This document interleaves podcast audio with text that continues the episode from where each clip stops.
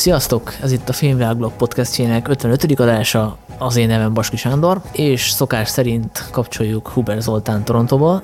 Sziasztok! És mondanám, hogy itt van velem Orosdi Dániel, de nincs itt, mert hogy ő Pécsen van, Pécsről jelentkezik be. Hello, Dani! Sziasztok, hello! És hogyha nagyon szeretném jelezni, hogy mennyire felkészültünk a jelenlegi vírushelyzetre, akkor azt mondanám, hogy szándékosan alakult így, hogy most külön podcastelünk, hogy nem akarunk egy légtérben lenni, de hát ez nem volt tudatos.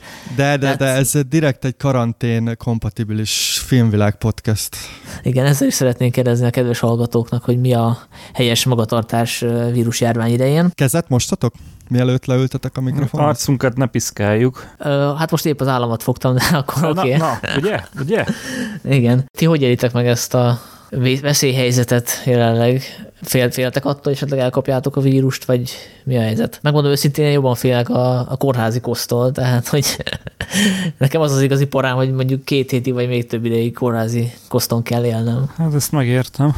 Én, én nem attól félek, hogy elkapom a vírust, én azért bízom az immunrendszeremben, hogy van annyira erős, hogy, hogy nem, nem azok közé tartoznék, akiket nagyon durván ledönt, de amit én igazán félek, hogy nem akarnám tovább fertőzni a körülöttem lévőket, főleg az idősebbeket. Tehát, hogy azért nem tudom, hogy hogy viselném el lelkileg azt, hogyha tudnám, hogy én fertőztem meg valakit, aki utána két hétig tényleg kórházi uh-huh. ápolásra kerül. Egyébként, ami engem nagyon érint az, hogy áprilisban terveztem szerettem volna haza repülni, ez ugye egyre távolabb kerül, és most már nem is az anyagi vonzat a, a problémás, mert az is, de hogy ne, nem, nem tudjuk egyszerűen, hogy mikorra foglaljuk át a jegyet. Hát, Tehát ez érthető. Most beszéltük május-június, de hát, de hát ez így nem nagyon, nem nagyon működik, úgyhogy valószínűleg ezt most hosszabb időre elhalasztjuk, ami egyébként nem feltétlenül baj, csak, csak tényleg nehéz így tervezni. Viszont itt Kanadában az az érdekes számomra, hogy itt nagyon sokáig ilyen teljesen realistán kezelték a helyzetet, úgy értve, hogy nem, nem volt semmi komolyabb pánik,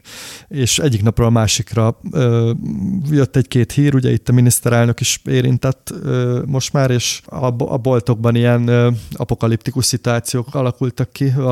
Pont most olvastam, hogy valahol fegyvert is rántottak valami, nem tudom, milyen ét, ételürügyén, úgyhogy engem személyesen szerencsére nem érint, mert van egy csomó tészta a hűtőben, meg ilyenek, úgyhogy...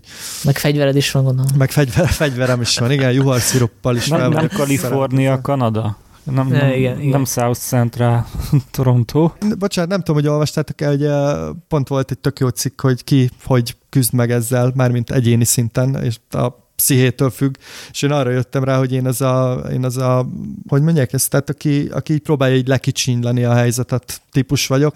Pont, hogy nem túl húzom, meg, meg kezdek rettegni, hanem inkább, inkább így alul becsülöm, ami nem túl jó, de talán most már remélhetőleg így a realistább vonalon vagyok. Uh-huh. Egyébként érdekes, hogy nálatok is így zajlott le, hogy a egyik pillanatban még így semmi különös, aztán hirtelen mindenki elkezd pánikolni, vagy pánik közeli hangulatba kerülni, mert hogy nálunk is pontosan ez volt, tehát hogy egy hete még teljesen normális kerékvágásba zajlott az élet. Úgyhogy ebből a szempontból baromi izgalmas, hogy a világ másik felén vagy, elvileg egy másik kultúra, és tök ugyanaz a folyamat zajlik le ott is, mint itt is, meg talán ez van mondjuk Olaszországban, Spanyolországban, tehát, hogy ez nagyon jól megmutatja ez a helyzet, hogy hiába különböznek az emberek kulturálisan, meg bőrszín, meg vallás tekintetében, azért baromi hasonlóan működünk. Csak itt az az érdekes, amit nem nagyon tudok hova tenni, hogy itt Torontóban januárban volt három eset, és azóta mindig, mindig előbukkantak újabb esetek, és nem ugrott meg hirtelen a, a szám, csak egyszerűen a kormány hozott intézkedéseket, tehát most bejelentették, hogy a, itt most kezdődik a tavasszünet, és meghosszabbítják, és ez indikált egy ilyen vásárlási lázat, ami tovább gyűrűzött abba, hogy az emberek hirtelen azt gondolták, hogy el fog fogyni minden a boltokból, és nagyon gyorsan bepörgött a dolog, a, amit egyébként a fertőzések száma nem indokol. Mert hogy mondom, itt folyamatosan van, most nem tudom, 30 valány eset van, de hogy így soha nem ugrott meg hirtelen. Nem az volt, hogy egyik nap, mert hogy otthon azért, ahogy olvastam a híreket, hirtelen lett három, vagy nem tudom mennyi, aztán ugye minden nap egyre több, több, több. Igen, igen, igen. És Dani, Pécsen mi a helyzet? P- bocsánat, Pécsett. Igen, úgy, úgy szép, úgy szép. Hát én őszintén szólva ilyen, ilyen tumultózós tömegjelentekkel nem találkoztam. amik voltam párszor boltban, és ott láttam kifosztott és újra feltöltött, vagy feltöltés alatt álló polcokat, tehát ilyennel találkoztam, illetve még egy, egy ilyen személyes élményem volt, hogy receptekkel mentem a patikába, amikor megérkeztek a készfertőtlenítők, és ott az orrom előtt rakta le a hölgy a kollégájának oda a pult mellé egy készfertőtlenítőket, én meg így megjegyeztem, milyen jó van. És, ja, és még hallottam is a beszélgetésüket, hogy hát ki voltak fosztva, de most kaptak 2000 darabot. Hazajöttem, és így boldogan gyanútlan mondtam a nejemnek, hogy hát képzeld, van kész fertőtlenítő, és így nem vettem egyből hármat, hát normális vagyok, hogy, így vissza kellett mennem konkrétan, és, és vettem hármat kapásból. És most eladtad 10 ezer forint per darabért? Hát ilyen hülye nem vagyok, 15 ezerért. Ja, jó, helyes, helyes. Úgy, amúgy meg, hát nálatok ilyen veszély ugye nincsen sajnos, vagy szerencsére, hogy, hogy kisgyerek a családban, hát elvileg őket kevés kevésbé fenyegeti a, a, a vírus, de hát ugye nálunk ez a, az egyik téma, ami így a porondon van, hogy, hogy hogyan tudjuk kezelni azt a helyzetet, hogyha valamelyikünk, vagy ne adj Isten, mind a kettőnk lerottyan, és hát fel nem erőjön, hogy a gyerek kapja el, és hogy neki lesz valami, valami gondja. Mert, mert hát ugye a, nagy kérdések, ugye, hogy kire hagyod olyankor a gyereket, hát a nagyszülőre, de hát ő a veszélyeztetett, tehát rá nem hagyhatod de akkor mit csinálsz, meg, meg hova mész? Tehát én ezen gondolkodtam, hogyha mondjuk én most kiderülne rólam, hogy én hordozó vagyok, akkor nyilván kéne szeparálódni a családtól, de hova megyek, ahol másra sem vagyok veszélyes. Felmész a mecsekbe, és... Hát körülbelül igen, tehát sá- sátrazni. Hát jó, de ott beleharapok egy banánba, érted, meg ez egy disznó, és ja, hát örök, igen. végtelen ciklus. A nulladik páciens Dani. Na mindegy, szóval, hogy, hogy ezek, ezek merültek fel, meg, meg nem tudom, hogy nálatok ez előkerült a témaként a családba, hogy így a nagypapa, nagymama, dédi háborús emlékei előjöttek el, hogy mi a teendő ilyenkor, mert már mi, mi megkérdeztük a nagyszülőt, hogy, hogy ő, ő mit javasol, mert hogy ő élt át ilyen időket, és hát az a baj, hogy nem, se a féldisznót nem tudjuk eltárolni, se a, se a vermet nem tudjuk krumplival megtölteni, mert hogy nincs verem meg egyáltalán. Bödönzsír, vagy? Hát kb. igen. Hát most mit tudom én, mikor boltba járok, én is most többet vásárolok abból, ami tudom, hogy úgyis elfogy. Tehát, hogy, hogy most az, azért nem fogok 8 kg lisztet venni, mert, mert hogy legyen, és akkor majd, amikor lecsengett a téma, akkor majd másod csinálunk, csak egy sütünk itthon. De hogy, hogy mit tudom én, legyen itthon víz, meg ez az amaz, az, az, az, úgy, az úgy alap. De, de úgy nem tudunk be felkészülni a rossz időkre, ahogy, a, ahogy az öregek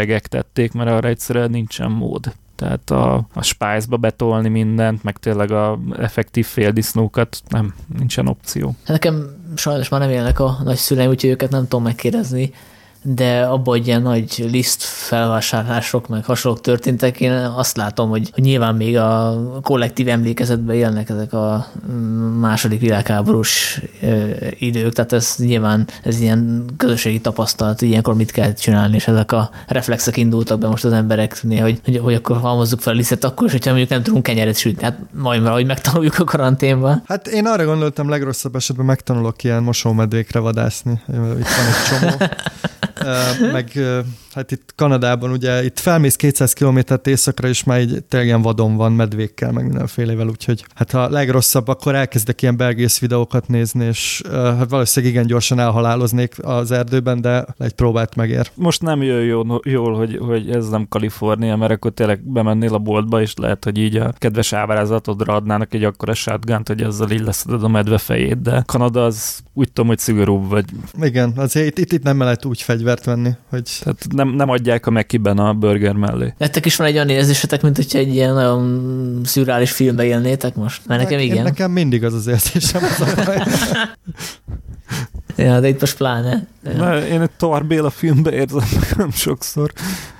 Nekem az a fura egyébként, hogy a bizonyos deviáns magatartásformák, azok most normálvá válnak, és itt most magamról beszélek, hogy, hogy én nem vagyok tisztaságmániás, de én az a típusú ember vagyok, aki mondjuk nem mindig fogja meg a kilincset a tenyerével, hanem trükközik, meg aki Igen. mondjuk a munkájában többször előfordult, hogy valaki mondjuk tartozott pénzzel, és akkor oda akart adni, meg mondta, hogy bocsánat, én most mostam kezet, nem fogom meg a pénzt, tedd ide le, mert, mert akkor utána mehetnék kezet mosni. Aha. És Igen. nagyon furán néztek rám, hogy most azért, mert megfogod a pénzt, utána neked még kell kezet mosni. Most meg ez a normális, vagy legalábbis ezt a mindenhol ezt halljuk, hogy most meg rendesen a kezedet, stb. stb. Te olyan vagy, amilyen, amilyenek az emberek egy hatalmas járvány idején.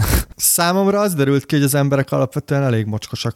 Mármint, hogy higiéniai szempontból, mert hogy, mert hogy most tényleg most csomag most mosnak például kezet, tehát én ugye rendszeresen figyeltem már ezt, hogy nem tudom, különböző szórakozó helyeken a kézmosás mosdó után az nem feltétlenül. Hát meg vannak ilyen fura dolgok, hogy most elmész egy szórakozó ilyen vécére, és mondjuk megmosod a kezedet vécés előtt vagy után, vagy mind a kétszer, aztán mész ki a vécébe, és megfogod a kilincset. Igen, Tudod, én- ami, tehát, hogy akkor mi értelme volt az egész procedúrának. Ezekre én, igen, ezekre én régebben is próbáltam figyelni, de hát Úgyhogy most- ezért szoktam vállal ki- kilökni az ajtót, vagy esetleg lábbal, ami nem szép dolog, de hát igen. én azt hittem, hogy csak ilyen vagánycsávó vagy, azért csinálom.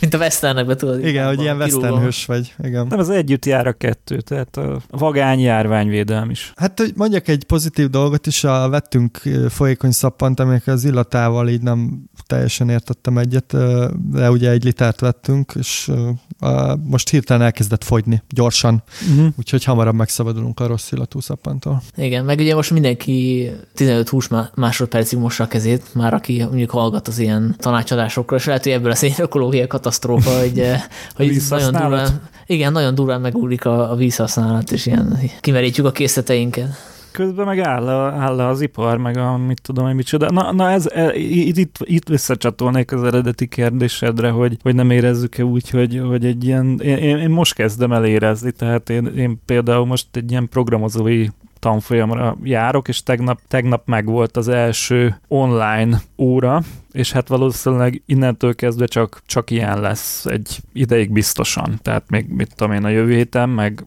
dolgozat is online lesz, és Akkor lehet puskázni. Na mindegy, szóval csak arra akarok kiukadni, hogy, hogy ez már begyűrűzött, hogy most ne, ne nagyon menjél el itthonról, és amit eddig máshol intéztél, azt is próbáld itthon, és ez, ez így uh, fura. Jó, térjünk rá szerintem a filmekre. Hát, ha- hát a kevésbé depresszív. Hát attól függ melyik film, de mondjuk ilyen vírusos vígjátékra nem emlékszem. Igen. Yeah.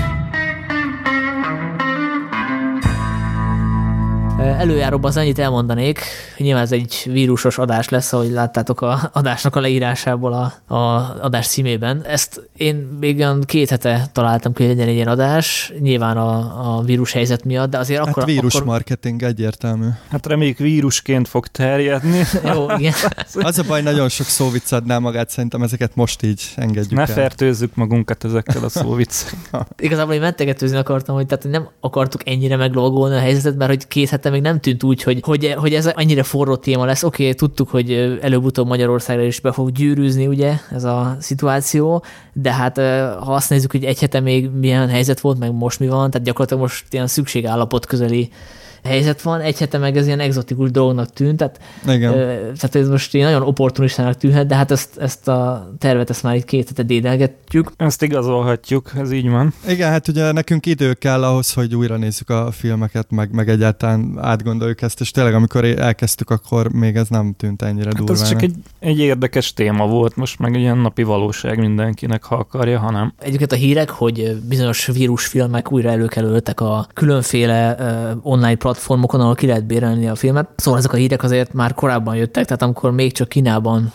jelent meg a koronavírus, az emberek már akkor elkezdték nézni a Soderbergnek a Fertőzés című filmjét, amiről mi is fogunk beszélni. Szóval, hogy az emberekben van egyfajta ilyen, nem is tudom, morbid kíváncsiság, vagy, vagy mi, a, mi is ez tulajdonképpen. Lehet, hogy elsőként erről kéne beszélni, hogy uh, szerintetek miért vesznek elő a vírus járvány idején emberek vírusfilmet, Szerintem itt most két lehetőség van, vagy az, hogy, hogy rettegni akarnak, és ez egy izgalmas dolog, hogy ö, odakint valós veszélye van annak, hogy elkapsz a vírust, és bent a kényelmes meleg otthonodban, ahol elveg biztonságban vagy, ott is retteghetsz, mert ilyen vírusos filmet nézel, vagy szerintem a másik lehetőségben is van valami, hogy igazából éhes vagy az információkra, és azért is nézed ezeket a filmeket, hogy megtudj valamit a te helyzetedre vonatkozóan, akár úgy is, hogy a létező legrosszabb forgatókönyvet ö, szeretnéd látni egy filmben.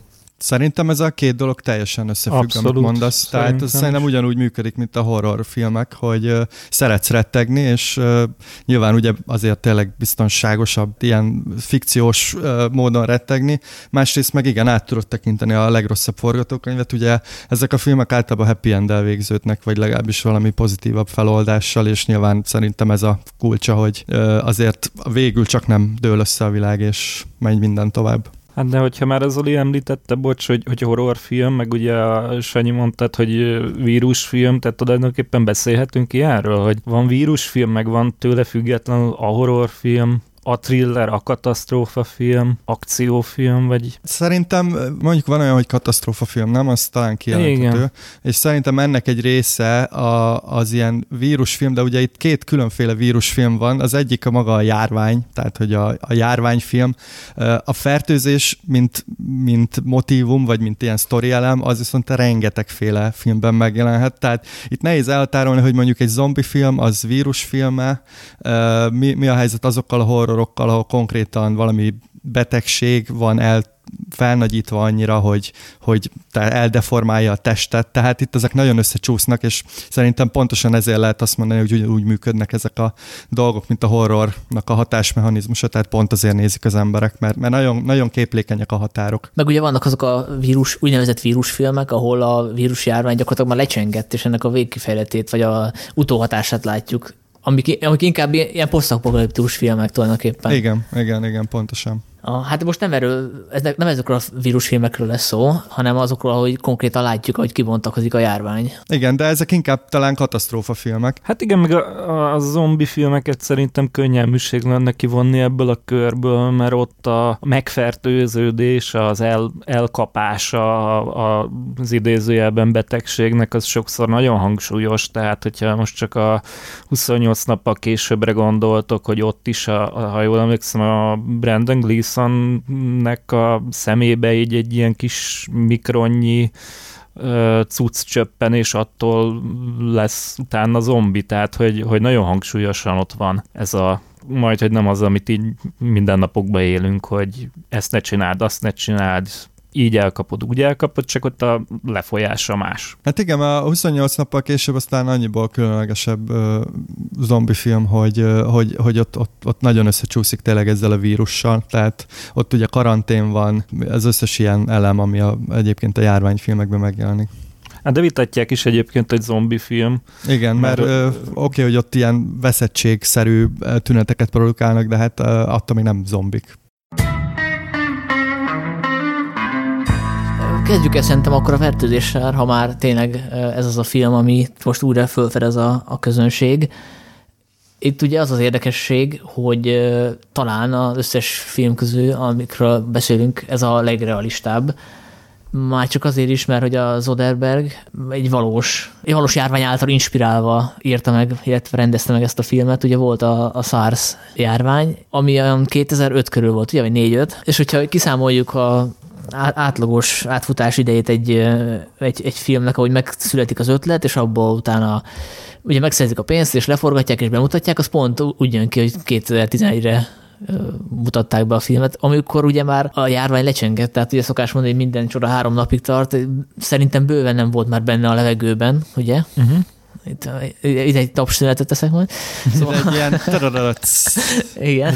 Egyébként 2002-2003 megnéztem. Ó, oh, bocsánat, akkor kicsit, akkor kicsit hosszabb volt az átfutási idő, úgy látszik nem sikerült könnyen összeszedni De volt pénzt. utána a H1-en nem? Vagy az később volt? É, volt minden sertés influenza, madár Igen, influenza. szóval sok minden volt. És azt hiszem a sertés influenza szóba is kerül a fertőzésben, ha jól emlékszem. Abszolút. Tehát a bemutató idején nem hiszem, hogy annyira felborzolta a nézők idegeit. Tehát lehet azt mondani, hogy ennek a filmnek igazából most van az igazi reneszánsza. Uh, azért van igazság. Van, de azért emlékszem, hogy ez a film uh, nyilván nem volt ekkora hírverés körülötte, mint most, de én emlékszem annó, hogy azért uh, jól fogadták ezt a filmet, meg uh, ugye Gwyneth Paltrow-nak a halála a, a, a, az, az azért akkor is komoly so, Sokan szívesen néztük ezt a filmet emiatt. Igen, volt Na jó, ez, ilyen. ez most nagyon gonosz, bocsánat. Tehát az de igen, ennyire... de volt egy ilyen, emlékszem, hogy volt egy ilyen a filmmel kapcsolatban. Egyébként most hallgattam egy podcastet, egy amerikai podcastet a filmről, ahol ugyanezt említette az egyik műsorvezető, hogy uh, akkor se volt ilyen közkedvelt fiúra a Paltrow, meg most az, úgyhogy uh, valószínűleg sokan nem voltak annyira fölháborodva, hogy megölt a rendező egy sztárt, és pont őt ölte meg a filmnek az első, nem tudom, 10 percében. Igen. Gondolját, gondoljátok, hogy ez volt a casting hátterébe, hogy így... Uh, én el tudom képzelni. Azért Zoderberg szerintem elég rafinált figura, tehát ez egy ilyen fricska szerintem, de lehet, hogy nem nem csak abból a szempontból volt egy jó húzás, hogy marketingnek se rossz, hogy a csúnyán elhújt paltró fejét lehet tenni a, tenni a promóciós anyagokra. Egyébként zárójel emlékszem, hogy nekem volt egy, sőt még most is van egy ilyen mappám, amit a sajtóvetítésen osztogattak, ahol konkrétan rajta van az ő eléggé visszataszító feje, mármint a halálában, és azóta is ezt, ezt a mappát használom arra, hogy a, a nav kapcsolatos irataimat tartsam, szóval, hogy... Szigorú. Akkor most, ha utazgatsz a villamoson, akkor távolabb húzódnak ja, ja. tőled. szóval, hogy ez egy tök jó marketing húzás volt, ahogy vesszük, de abból szempontból is ügyes húzás, hogy ezzel azt sugalja a nézőnek, hogy gyakorlatilag bárki elkaphatja ezt a vírust, akár a legnagyobb sztárok is, akire nem számít az, hogy elkapja. Én azért szerettem annól ezt a filmet, emlékszem, mert uh, tényleg, uh, tehát ugye meghal benne uh, két Winslet is.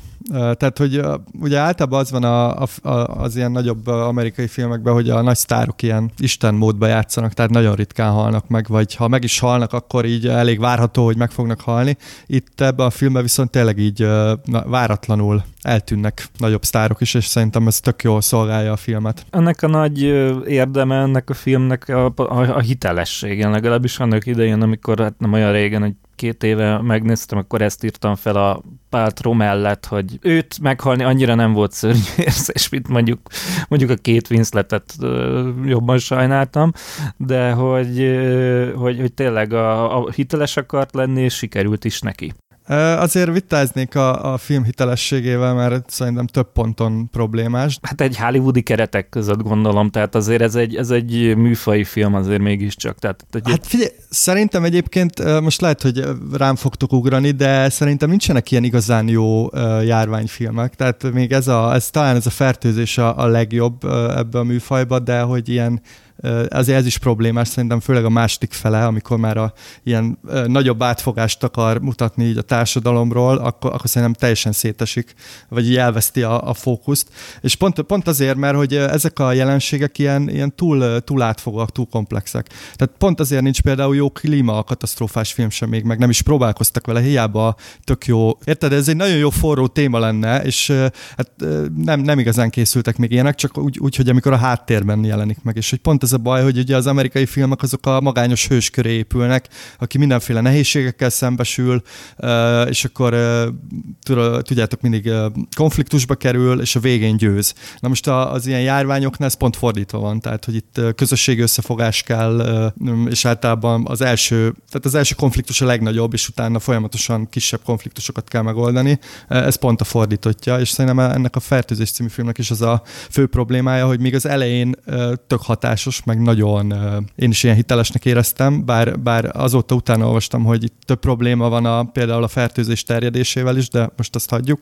De hogy utána esik szét, amikor, amikor tényleg ezeket a üres utcákat mutogatja, hogy ilyen mindenféle, nem tudom, vandalizmus történik, meg szétesik a társadalom, meg hogy az oltóanyagot hogy osztják ki, nekem ott valahol begyengült a... Már hogy túl könnyen megoldódik a végén a helyzet? Egyrészt túl könnyen megoldódik, másrészt túl könnyen esik szét a társadalom, tehát hogy valahol valahol a kettő között kéne ennek lenni szerintem. Hát nem, de lehet, hogy majd két hét múlva újra beszélgetünk.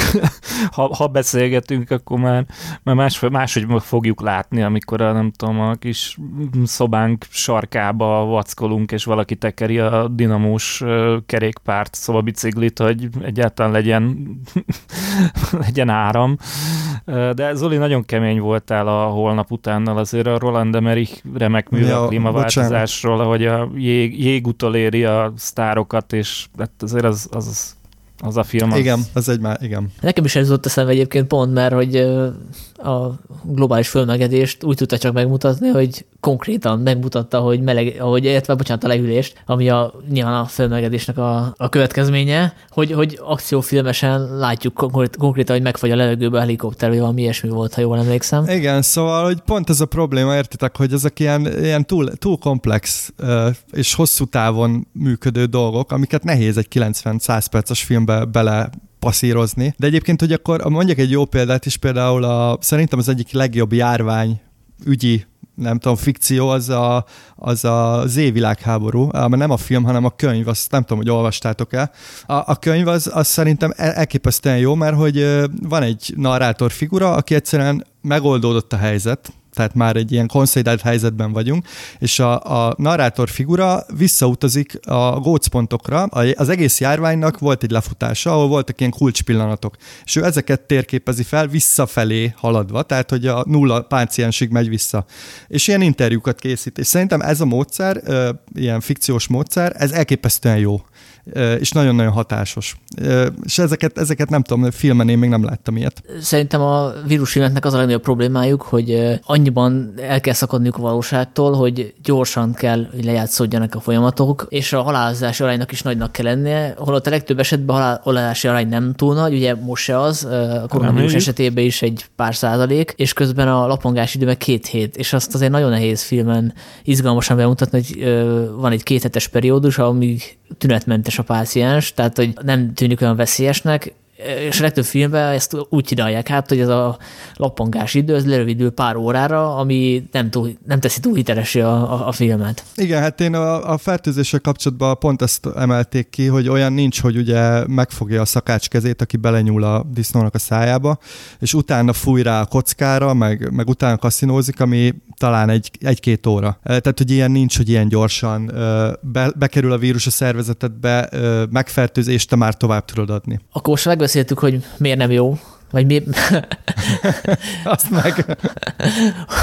hogy mi, miek a hibái a filmnek, de azért az erényeiről is beszéljünk, mert hogy megjósolt olyan dolgokat, amik hát most is előkerülnek. Persze nagy jó ahhoz nem kellett, hogy megírja a Soderberg meg az írótársa, hogy lesznek emberek, akik, akik nyerészkedni próbálnak ezen a pánikon. Például a Jude Law figurája, aki egyébként lehet, hogy nem, nem csak azért született meg, hogy bemutassa, hogy, hogy vannak ilyen nyerészkedő figurák, hanem szerintem még a 2010-es év évek elején volt egy ilyen ellenérzés a bloggerekkel szemben, akik, akiket ugye nem köt a szakmai etika, ami az igazi újságírókat igen, és ők felelőtlenül az interneten bármit tudnak terjeszteni, tehát hogy Szerintem ez ilyen kettős dolog. Egyrészt a, a, a szélhámosokatnak is álltott egy ilyen tükröt a, a, a film, másrészt egy kicsit lenézte ezt az egész blogger szénát, szerintem. Tehát, hogy picit túl karikatúrikus nekem a Jude figurája, ez az egyetlen kritikám vele szembe, amellett, hogy szükség van egy ilyen figurára a filmbe. Hát szerintem is túl elrajzolt a figura, ugye még a foga is így meg van csinálva, hogy ilyen még visszataszítóbb legyen. A, szerintem a, a fő probléma vele az, hogy nagyon-nagyon elrajzolt, és pontosan az lehet az ok, amit mondasz. Én emlékszem, hogy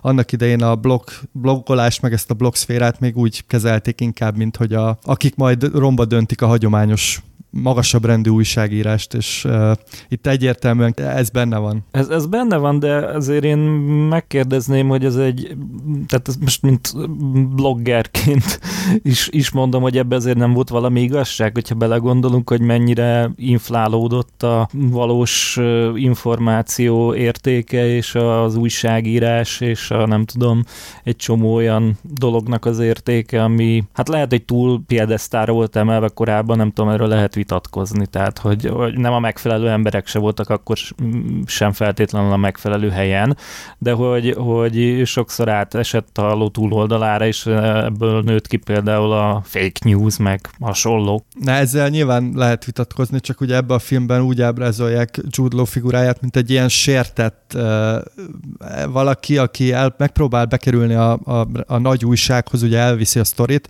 ott ugye kinevetik, vagy hát elküldik, és akkor azért is felnagyítja gonosz módon a, a híreket, és ráadásul még nyerészkedik is rajta, tehát ez így azért egy figurán belül szerintem egy kicsit sok. Ez, na, én nem feltétlenül ezzel akarok vitatkozni, tehát ebben nagyjából egyetértek veletek, csak hogy hozzáteszem, hogy, hogy ez a fajta kritika, ez nem feltétlenül csak a, nem tudom, a, az elitistáknak a, a kritikája a kis emberekkel szembe, vagy hogy mondjam, a Ja, nem, nem, nem. Abban abszolút igazad van, hogy ez a kritika valós, tehát főleg, főleg ilyen krízis helyzetekben ez nagyon be tud indulni. Tehát e, ebbe, ebbe, ebbe igaza van a filmnek, hogy, hogy, hogy behoz egy ilyen karaktert, és megmutatja így. Csak ugye az, nekem az a problémám vele, hogy míg például az orvosi résszel nagyon részletesen foglalkozik, tehát sok karaktert uh-huh. látunk több oldalról, ez a karakter, ez egy egymagában egyesít több olyan dolgot, ami... Tehát túlzó, igen. Ez, hát ez aláírom persze. Meg ugye hiányzik az a, a, az a tömeg mögüle, a, a, akik um, nem kapnak arcot, tehát akik a, a neten terjesztik a hülyeségeiket, tehát hogy ő egymaga próbálja ezt az egész tömeget reprezentálni, amiért egyébként én nem vádolom a filmet, hogy ez a rész hiányzik, mert hogyha belegondolok, hogy mikor íródott, meg hogy a Facebook azért 2011-ben még nem volt annyira mindenható, mint most, tehát hogy ha most írná meg ezt a filmet az Odelberg, meg a Scott Z. Burns, akkor, akkor másmilyen lenne. Tehát az a rész hiányzik a filmből, a, ami érzékeltetné, hogy amikor elindul egy tömegpánik, akkor sok esetben, vagy szinte mindig nem egy ember indítja ezt el, hanem a, a tömeg szépen belespanolja egymást, és a, uh-huh. sok esetben nem igen, is lehet tudni, igen. hogy egy plegyka, vagy mondjuk lezárják Budapestet, az honnan indul el. Mert egyszerre több helyről elindul, és a, ezek a fake news egymást erősítik, tehát hogy nem mindig van egyetlen egy felelőse az ilyen uh, rémhíreknek az alkotók védelmében van egy jelenet, amikor beidézi az FBI, azt hiszem, vagy valaki, és ugye mondja, hogy el kell engednünk, mert van még 40 ilyen, mint te, vagy valami ja, ilyesmi. Aha, Tehát,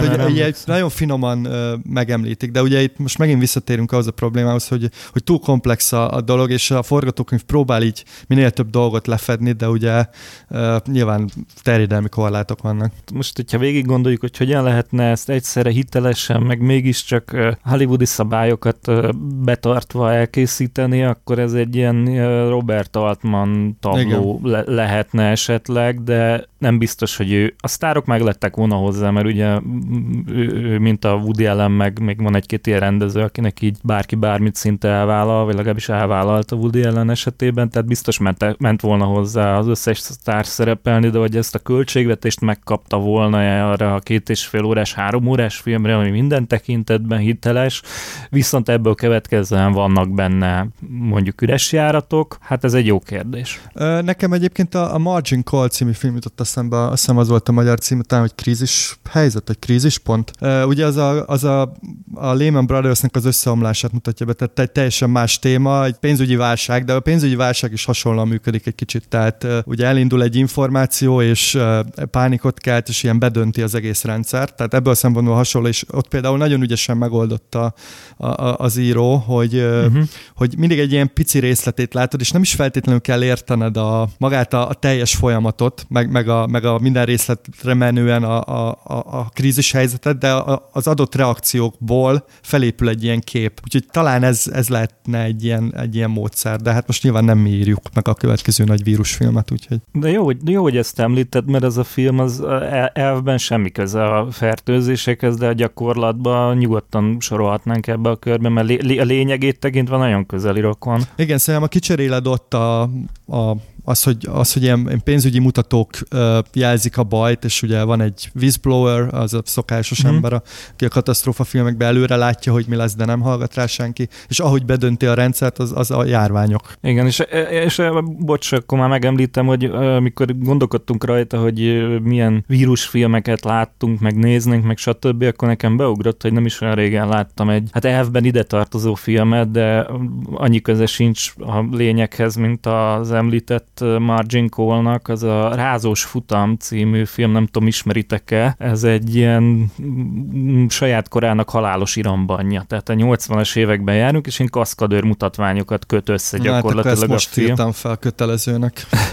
ez, ez, ez egy teljesen komolyan vehetetlen film, de ott is a, a mire megy ki a játék arra, hogy, a, hogy az autóversenyzők a zárt dobozban a vírust, ami végtelenül veszélyes, azt eljuttassák három órán belül a Új-Zéland egyik kikötőjébe, és hát ennek keretében próbálják őket megállítani, de, de a vírus az, az szinte el is van felejtve gyakorlatilag. Tehát, hogy fel sem merül, hogy az egy ilyen, hogy az a doboz esetleg így felolvad benne a jég, vagy ilyesmi, hanem onnantól kezdve, hogy beteszik, az, az a Hitchcocki McGuffin, ami ugye bármi lehet, csak fontos legyen a szereplőknek.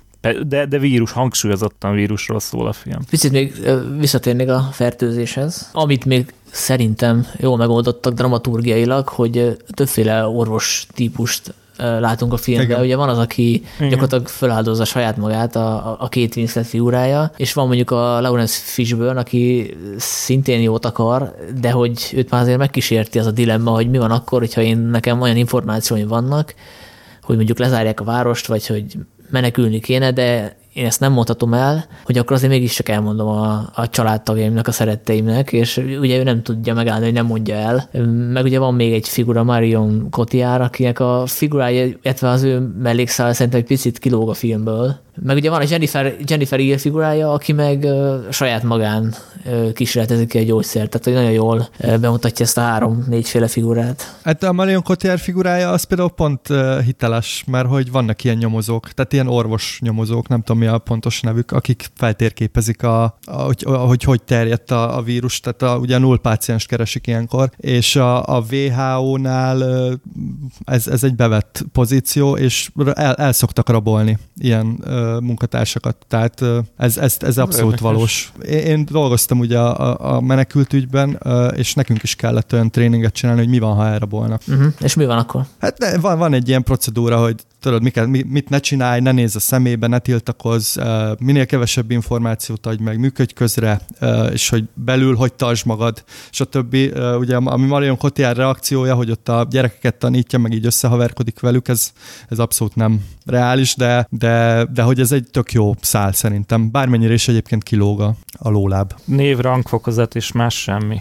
Igen. Ezt adta Huber Zoltán filmkritik. Igen. Bár, bármit kérdeznek ez. Igen. És akkor több millióra megsorolják a filmvilágot. Hát az kicsit izgalmasabb válasz lett volna, hogy nem tudom, kravmagázni tanítottak meg, vagy valami hát saj, sajnos, sajnos nem, de hát azért én nem a, nem tudom, Nigériában teljesítettem szolgálatot, sajnos. Úgyhogy. Na, hát ez szerencsére. Vagy szerencsére. De egyébként a másik, amit akartam még mondani a fertőzéssel kapcsolatban, meg az orvosokkal kapcsolatban, hogy, hogy ez az önmagántesztelés is szerintem problémás, bármennyire is szép gesztus, mert ugye a klinikai tesztek azok nem pont, pont az a lényegük, hogy minél szélesebb skálát le kell fedni, hogy hogy reagálnak a különböző emberek a, ugyanarra a gyógyszerre. Viszont a, az, hogy a, a filmnek az utolsó jelenete, az nem tudom megvan hogy ugye kivágnak egy fát, és a denevér onnan repül le, és lejti a banánt, a disznó meg és a többi, ezt utána olvastam, hogy ez nagyon reális. Tehát, hogy ezt, ezt valahol, valahol olvastam, hogy ezt több helyen így, tehát használják ilyen tan- tananyagnak. Banánt, a disznó banánt teszik? Ezek szerint? Ö, nem, csak hogy le, lejti a banánt a, a denevér, nem? És akkor azt hiszem a disznó csak így bele harap, vagy, vagy nem tudom, és... Hát egy... a disznó megeszik mindent, tehát Igen. ez szerintem belefér. Jó, hát most is elvileg denevérhez van közel. Igen, hogy most is a denevér, és most is a Kínát is eltalálták. Szóval, hogy ez, ez sajnos ez reális, hogyha megbolygatják az ilyen ö, élőhelyeket, akkor, akkor tényleg ezek a vírusok át tudnak ugrani egyik fajról a másikra, és hogy erről az ember tehet. És ez a film ezt nagyon jól bemutatja. A zenéről még ezt beszéltünk, hogy szerintem baromi jól működik ez a nagyon lüktető, kicsit ilyen elektrós zene, ami az első másodperctől feszültséget kelt, és hát ugye ez egy majdnem tíz éves film, ennyi idő alatt kicsit elavulhatott volna, mert hogy általában ezért használnak klasszikus zenét, mert az nehezebben avul el, mint ezek a kortárs elektronikus zenék. Ehhez képest szerintem nagyon jól működik, tehát nagyon pörgős tőle a film. Ö, igen, azért ezt most gyorsan szeretném hozzátenni, hogy itt most én így ekésztem, talán úgy tűnhet, hogy ekésztem ezt a filmet, de szerintem ez egy, ez egy jó film, és én nagyon-nagyon szerettem Zolderberget, mert ez elképesztően jó rendező. Hát ez a, tényleg ez a sok szálon futó uh, sztori, meg, meg rengeteg karaktert mozgat, de azért nagyon egybe van tartva. Ráadásul ő következetes abból a szempontból, hogy uh, igazából ez a film teljesen beilleszthető az ő filmográfiájába. Tehát Abszolút, azokat a, igen azokról a dolgokról beszél, ami így a szerzői mániáinak számít, ha úgy veszük, tehát a, nem tudom, autoritások megkérdőjezése, az ilyen nagyvállalatok, korporációk korrupciója, a média korrupciója, tehát a korábbi filmje, a Traffic mondjuk ilyen volt, az Informátor. Igen, ut- utána van egy filmje, aztán két évvel később, most nem jut eszembe a címe, az is ilyen orvosos, amikor egy ilyen gyógyszerkísérlet. Mellékhatások? A mellékhatások, igen. Igen. A, ami abszolút ha, nagyon hasonló ez a film. Igen, ez és azt is a Scott Z. Burns írta, tehát a, neki is adjuk meg ezt a kreditet. Igen, igen. Állandó írótás. Hát de nem is az a gond szerintem, hogy a fertőzés az rossz film lenne, mert nem rossz film, meg te se ezt mondtad Zoli az elején, ha jól emlékszem, hanem hogy, hogy nincs igazán nagy ilyen remek mű, amire így mutatni tudunk. Tehát van egy, van egy jó erős filmünk ebbe a témakörbe, ami a fertőzés, ami, ami tényleg így jól sikerült a hibáival együtt is, de, de nincs a műfajnak az a klasszikus, ami mit tudom én, a óriás állatos horrornak a cápa. Most mondtam valamit. Hát majd most lesz. Hát most lehet, hogy lesz, tehát uh, biztos ez megmozgatja a forgatókönyvírók uh, fantáziát, főleg, hogy nem mehetnek most sehova, úgyhogy otthon írják. Hát igen. Nektek, hogyha újra néztétek ezt a filmet, most jobban tetszett, mint az első alkalommal? Vagy jobb filmnek gondoljátok? Fontosabbnak a Zoderberg életművében, mint eddig? Hát az a vicc, hogy mivel most ez a helyzet van körülöttünk, én, én borzongtam, főleg az elején. Tehát, hogy hozzátett a, ez a horror effekt, amiről már beszéltünk, ez hozzátett most a, a, ebben a helyzetben, és sokkal jobban tetszett ez a film, mint annó. De mondjuk azért, hogyha a Zoderberg életművét vennénk végig, akkor nem tenném bele így az első ötbe, mert hogy egyébként uh-huh. egy elképesztően gazdag életmű, nagyon színes, nagyon szeretem, és még nem ezt tenném így az első ötbe. Én nem néztem újra, úgyhogy e, e, ilyen értelemben nem tudok nyilatkozni. Nekem akkor is tetszett, így elég jól emlékszem rá szerintem, mert annyira nem láttam régen. Hát egyszer láttam, és így egyetértek az Olival, hogy, hogy ez, ez, ez egy erős darabja az életműnek. Az, az, az viszont lehet, hogy most, most így egy, azért egy más fénytörésbe került. Hát nem lehet, hanem biztos igazából. Biztos, igen. Tehát én is úgy voltam vele, hogy elsőre, amikor megnéztem, én még a mozi bemutató idején láttam, ugye ezt mondtam a sajtóvetítésen, hogy tetszett, de különösebben nem maradt velem, tehát így két-három nap múlva valószínűleg már nem is emlékeztem rá. Nyilván most meg sokkal erősebben hatott, mert hogy figyeltem a párhuzamokat a, azzal, ami most körülöttünk zajlik, és ö, azt hiszem, hogy a bemutató idején az volt az egyik problémám, hogy a végén föltettem magamnak a kérdést, hogy oké, okay, izgalmas volt, hogy bemutatta ennek a járványnak a kifutását, de hogy itt mi volt a cél, mi volt a terv, tehát hogy annyi az egész slusszpoén, hogy bemutatjuk, hogy egy denevér, egy disznó közvetítésével meg tudja fertőzni az embereket, és, és akkor, akkor mi van? Tehát, hogy de ennél többet nem adott, most meg viszont ez a magyarázat, hogy vége rádöbbenek, hogy az a bizonyos nulladik páciens kifertőzte meg, ez, ez így elég, elég oknyomozás nekem. Tehát emeli plusz nem kell. Mert, mert, mert, mert az, a, van, az, az, a, érdekes. van az a borzongás mellette, ami, ami mellett már nem, nem hiányolom az úgymond a, a plusz mondani valót. De Sanyi, itt szerintem egy fontos dolgot elfelejtesz, mert a, a, az a, nem tudom, markoló vagy építési gép, ami meglöki azt a fát, amire az a denevér elszáll, az ugyanaz a cégé, mint ahol Gwyneth Paltrow dolgozik. Tehát, hogy ez szerintem egy ilyen fontos ilyen kritika, vagy ilyen kis mondani való Zoderberg részéről, hogy, hogy itt arról van szó, hogy ez a, ez a nő gondolom azért ment oda, hogy valami nagy projektet véghez vigyon, ami le, letúrja ezt a természeti környezetet, és ő fertőződött meg, és aztán ez lett belőle. Tehát itt azért van egy ilyen, ezt még akár didaktikusnak is lehet mondani, csak cserében nagyon finoman van jelezve, mert hogy fel van írva ennek a markolnak az oldalára. Tehát hogy tényleg nagyon kell figyelni, hogy ezt így összerak, de hogy itt ez, ez szerintem egy komoly, komoly mondani való. Én ezt nem felejtettem el, hanem föl se tűnt elsőre, úgyhogy már, már értem el volt ennek a, ezt a podcastot megcsinálni, úgyhogy kösz szépen. Hát, majd nézd meg újra. Hát de tegyük hozzá, hogy a, a,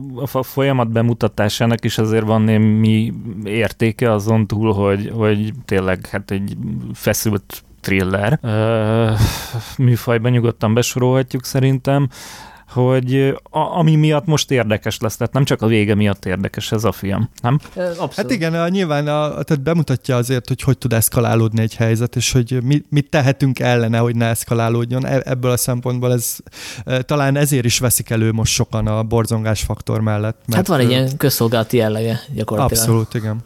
Hát egy bemutat egy folyamatot, meg közben kritikát is gyakorol, erről is beszéltünk, tehát hogy, hogy túllép azon a kereten, amit most nem tudom, most hasonlítésszerűen mondjuk a Michael Bay, hogyha meg rendezett volna egy ilyen filmet, akkor Nicolas Cage nem tud.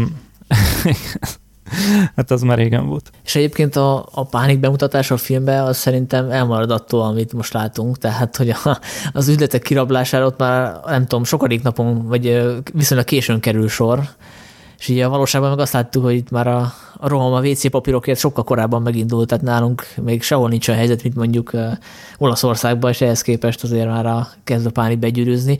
De azt gondolom, hogy ennek az is az oka, hogy a, a fertőzés még úgy készült, hogy se Európában, se Amerikában nem jelent meg így tömegesen ez a járvány, csak ugye láttuk, meg hallottuk a híreket Kínából, a különféle sertésinfluenza, meg a madárinfluenza most begyűrűzött, és ennek a feldolgozását majd, a realist, realistá feldolgozását majd fogjuk látni a filmekben később. Abszolút, szerintem is ennek majd most jön az ideje, és lehet, hogy tényleg lesz egy ilyen nagy klasszikus végre, ami mint a cápa, a, ja. a példánál maradunk. Szerintem átértünk akkor a korábbi vírusfilmekre is, a műfaj nagy klasszikusaira, amiből ugye nincs túl sok a, a, azzal kapcsolatban megegyezhetünk.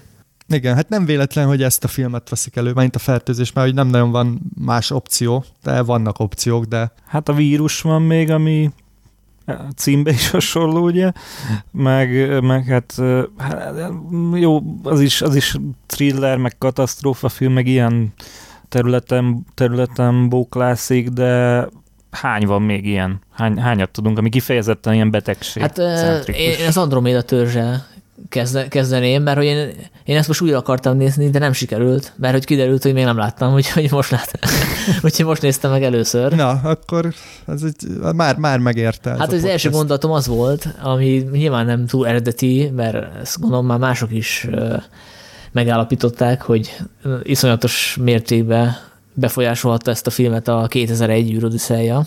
Igen, Gondolom ezt, ezt, ezt leszögezték ma mások is. Én nem olvastam utána semmit, de egész végez volt, ez járt a fejembe, hogy, hogy ilyen részletesen bemutatni, hogy hogy működik egy ilyen szuper titkos, szuper biztonságos labor, már-már unalmas az a folyamat, ahogy látjuk, hogy átmennek ilyen ötfajta szűrőberendezésen a kutatók, tehát hogy szükségtelenül részletes, ha, ha úgy vesszük, és nem öregedett olyan jól szerintem, mint a 2001, ami, amiben szerintem ezek a technikai részletek még mindig izgalmasak. Abszolút egyetértek veled abban, hogy nem öregedett jól, de még egy párhuzamot vonnék a két film között. A, vannak ilyen egész ilyen kísérleti filmes, tehát ilyen abstrakt jelenetek, ami, ami tényleg ilyen, tehát a látványvilága is hasonlít a két filmnek, de, de szerintem is kicsit túl részlet részletes ez a film. Aki nem látta annak, hogy csak gyorsan pár infót, az egy 1971-es film, Robert Wise rendezése, itt arról van szó, hogy lezuhan egy katonai műhold, és valamiféle vírus elszabadul, ami gyakorlatilag órák alatt megöli a, az áldozatait. Megpróbálják analizálni ezt a vírust egy túlélő gyereke, meg talán egy férfi is, hogy megállapítsák, hogy igazából hogy működik, hogyan terjed, és hogy mit lehetne vele kezdeni, és az egész film egy ilyen mm, föld alatti laboratóriumban játszódik. Talán még az fontos info, hogy ebből készült egy sorozat 2000, most nem tudom pontosan mikor, de, tehát, hogyha valaki rákeres, akkor ezen a címen két filmet talál, de hogy mi a régi, a het, 71-es. 71-es, igen. Tehát mi arról beszélünk most. Tegyük hozzá, hogy, a, hogy az a Michael Crichton regényén alapul, hát nyilván mind a kettő, de hogy, hogy ő, ő a nagy atyaisten az ennek a, hát nem is tudom, tudományos thriller, science fiction, tech thriller, ilyen, ilyen kategóriákba szokták sorolni, szóval hogy, hogy, hogy kvázi ő találta fel, illetve tökéletesítette ezt a, a műfajt, ugye a Jurassic Park, és még sorolhatnánk, ráadásul rendezett is. Nem is keveset. Film, igen, és filmrendezőként se volt sem jelentéktelen, sem rossz. Hát a, azt hiszem, hogy a feltámad a vagy nyugatból ugye most megy a sorozat. Igen, azt is ő írta, igen. igen, igen, igen. Ő ezt a tudományt vigyük vissza a science fictionbe című mozgalmat, ezt így élenjáróként mit csinált vele, viselte, követ. Ja, abszolút. Na, ezzel megöltem a bulit.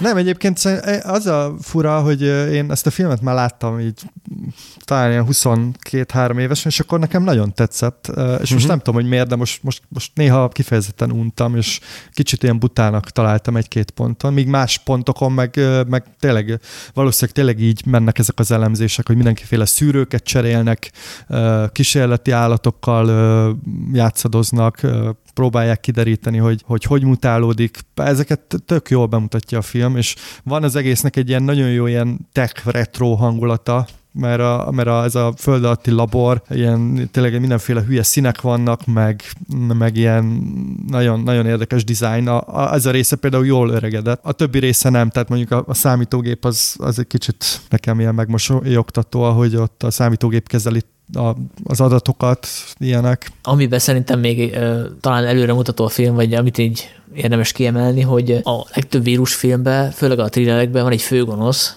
aki lehet akár egy ember is, akinek a tevékenységéhez köthető, hogy elszabadul a vírus. Itt meg igazából nincs ilyen. Persze itt is van egy, egy katonai műhold, tehát hogyha hogy veszük, akkor lehet a hadsereget hibáztatni, hogy miért akarnak ők a, az űrbe, nem tudom, ott kutakodni, maradnának a segükön a földön, akkor ilyesmi nem fordulhatna elő. Tehát van egy ilyen aspektus a, a sztorinak, de igazából itt nincs főgonosz, tehát hogy itt azt akarja érzékeltetni a film, hogy vannak ilyen mindenféle idegen organizmusok, amik elszabadulhatnak és megtizedelhetnek minket, és ezek az organizmusok egyébként átalakulhatnak, mutálódhatnak. Nagyon sok vírussal így van, például a hagyományos influenza vírussal is, amivel megtanultunk együtt élni, tehát hogy az nem tűnt el. Néha előjön, vannak járványok, együtt élünk vele, és valamit is ilyesmit pedzeget szerintem ez a film, hogy, hogy nem tudjuk megszeríteni ezeket a folyamatokat, de viszont elkerülhetetlen, hogy kialakuljanak ilyen fertőzések, vírusok, mutációk. Hát a, a film ugye egy ilyen flashback gyakorlatilag, mert hogy visszaemlékszik, a, a, vagy valami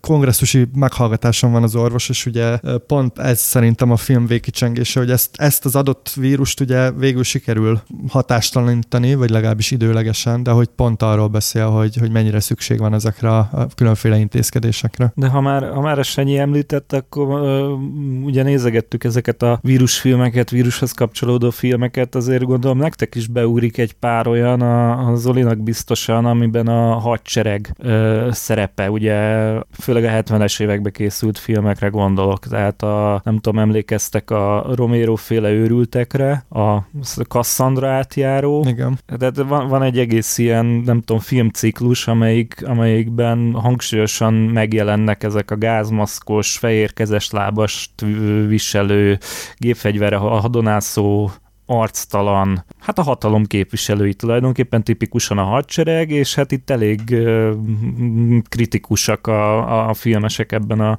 a kérdéskörben nem tudom, a Cassandra átjárult, azt láttad, Sanyi? Én most újra néztem már, hogy ajánlottad, úgyhogy arról beszélhetünk. Ha már így a hadsereg szerepéről beszélünk, akkor viszont itt a nagy klasszikus az tényleg a Vírus című film, mert ugye ott, ott konkrétan arról van szó, hogy a, a hadsereg fejleszti ki a, a, a vírust, mint valami fegyvert, ugye biológiai fegyvert, ezt tudjuk, hogy ez elvileg tiltva van a mindenféle egyezményekkel, és a, a szerintem az ilyen klasszik főgonosz, amiről Sanyi te beszéltél, az Donald Sutherland a Vírus című filmben, mert hogy annyira, annyira gonoszan néz, hogy, hogy tényleg így belém fagy a, a, a, a minden, úgyhogy, és egy tök érdekes, hogy ugye ez volt szerintem az egyetlen ilyen blockbusternek készülő vírusfilm, és ugye ez annak idején nem hozta az elvárt, nem tudom, bevételi dolgokat, és ne, nem is lett túl jó.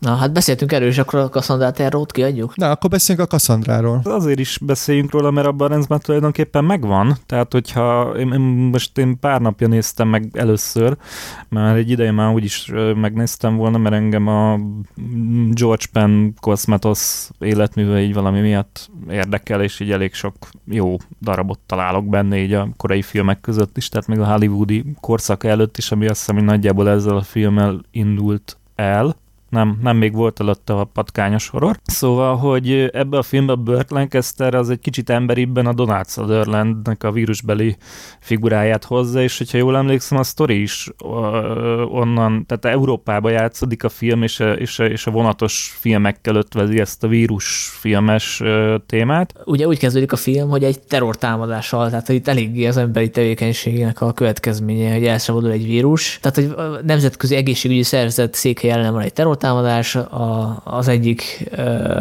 elkövetőt megfertőzi a vírus, ő följut egy vonatra, ami Genf és Stockholm közt közlekedik, és ugye operatív törzsnek tudomására jött, hogy a, jut, hogy a vonaton van ez a terrorista, és akkor mindenféleképpen meg akarják akadályozni, hogy az utasok lejussanak, közben a vonat ugye nem áll meg, eltérítik, halad azt hiszem Lengyelország felé. Igen. És van a vonaton egy, egy hős orvos, aki ugye segít a betegeket ellátni, meg közben vannak a tudósok, katonák, és a többi. Katasztrófa filmek szokásos túlélői, tehát ez ebből a szempontból egy klasszikus katasztrófa film, hogy itt is a, a régi korok sztárjait, vagy hát még aktuális nem olyan nagy sztárokat így előkapartak, hogy meglegyen a kellő nagy sztárparádé, mint ahogy a műfajt teremtő Airportban. Igen, Sofia Loren, Martin Sheen, O.J. Simpson, Richard Harris, O.J. Simpson, Lee Strasberg. Igen, meg Lee Strasberg, az is érdekes. Martin igen. Sheen. Igen, és de, hogy ami, ami miatt eszembe jutott, hogy azt hiszem, hogy ebben a filmben el is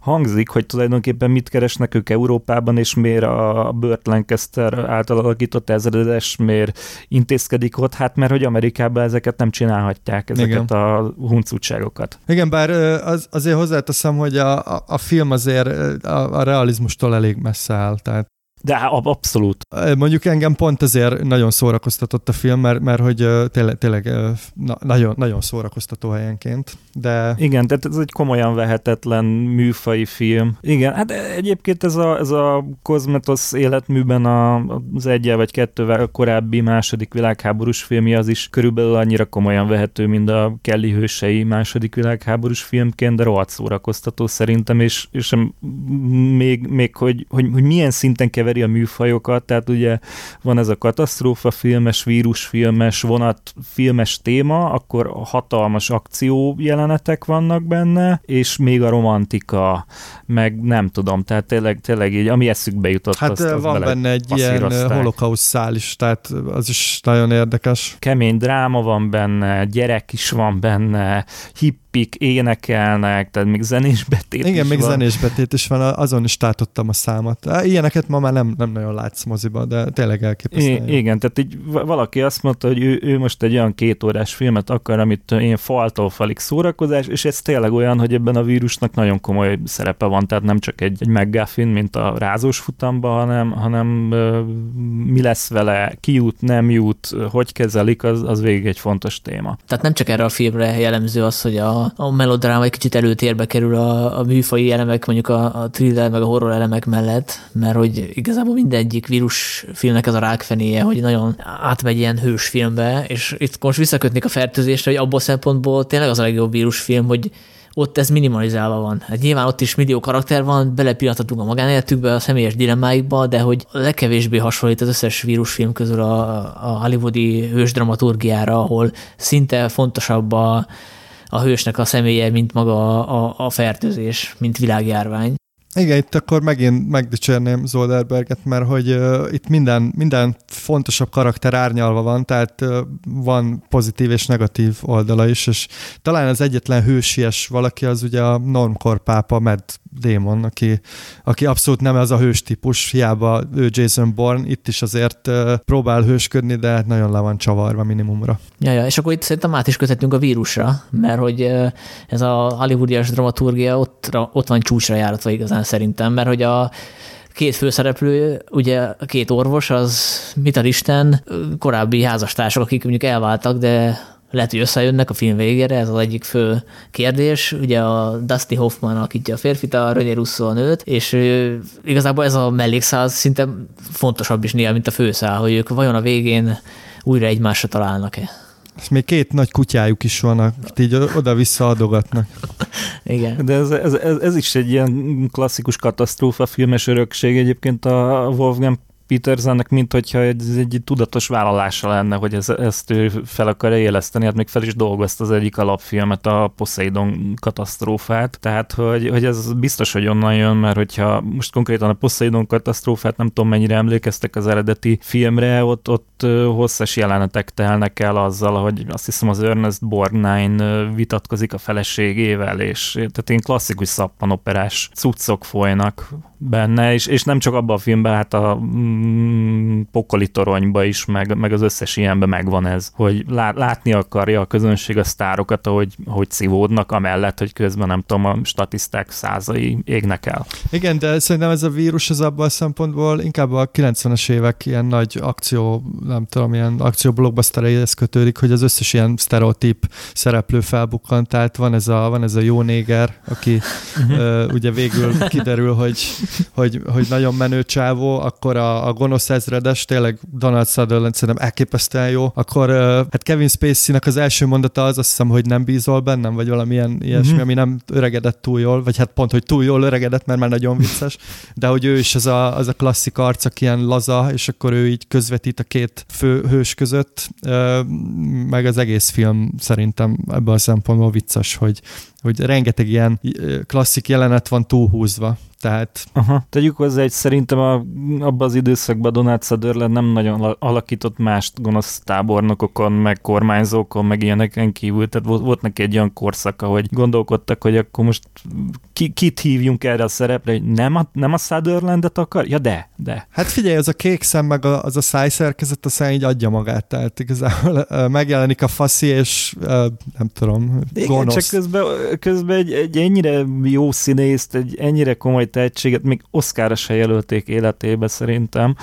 Tehát ez, ez önmagában egy röhely, de hogy, hogy, hogy így elvesztegetni ezekre a szerepekre, na mindegy. És ugye szerepel Morgan Freeman is a filmben, és az ő karaktere is determinálja az ő sorsát, mármint a karakter, mint nem mint figura, hanem mint személyiség determinálja a karakter sorsát, hogy ugye ő elvileg a rossz oldalon van, úgymond, tehát ő is a, a, a hősök ellen van, és aztán persze a lelkismeretére hallgat, és a, segít végül a Dustin Hoffmanéknak a küldetésű beteljesítésében, tehát ez is nagyon jellemző, hogy, hogy nem tudjuk elképzelni Morgan freeman hogy igazi gonoszt játszana. Hát de el tudod képzelni, hogy azon a hangon ö, valami gonoszat Isten hangján. Mond. Isten hangján nem mondhat semmilyen gonosz. Azt lát, láttátok, ez, ez mondjuk nem vírusos film, de az, az, az is 90-es évek, amikor egy ilyen eső áztatt a városba, ahol tényleg méter, méter magasan áll a víz akcióznak, és a Morgan Freeman alakít egy olyan gonoszt, aki más filmben simán elmenne a jó karakternek ez meg nem jut eszembe nem, nem a nem fog, de, de, fú,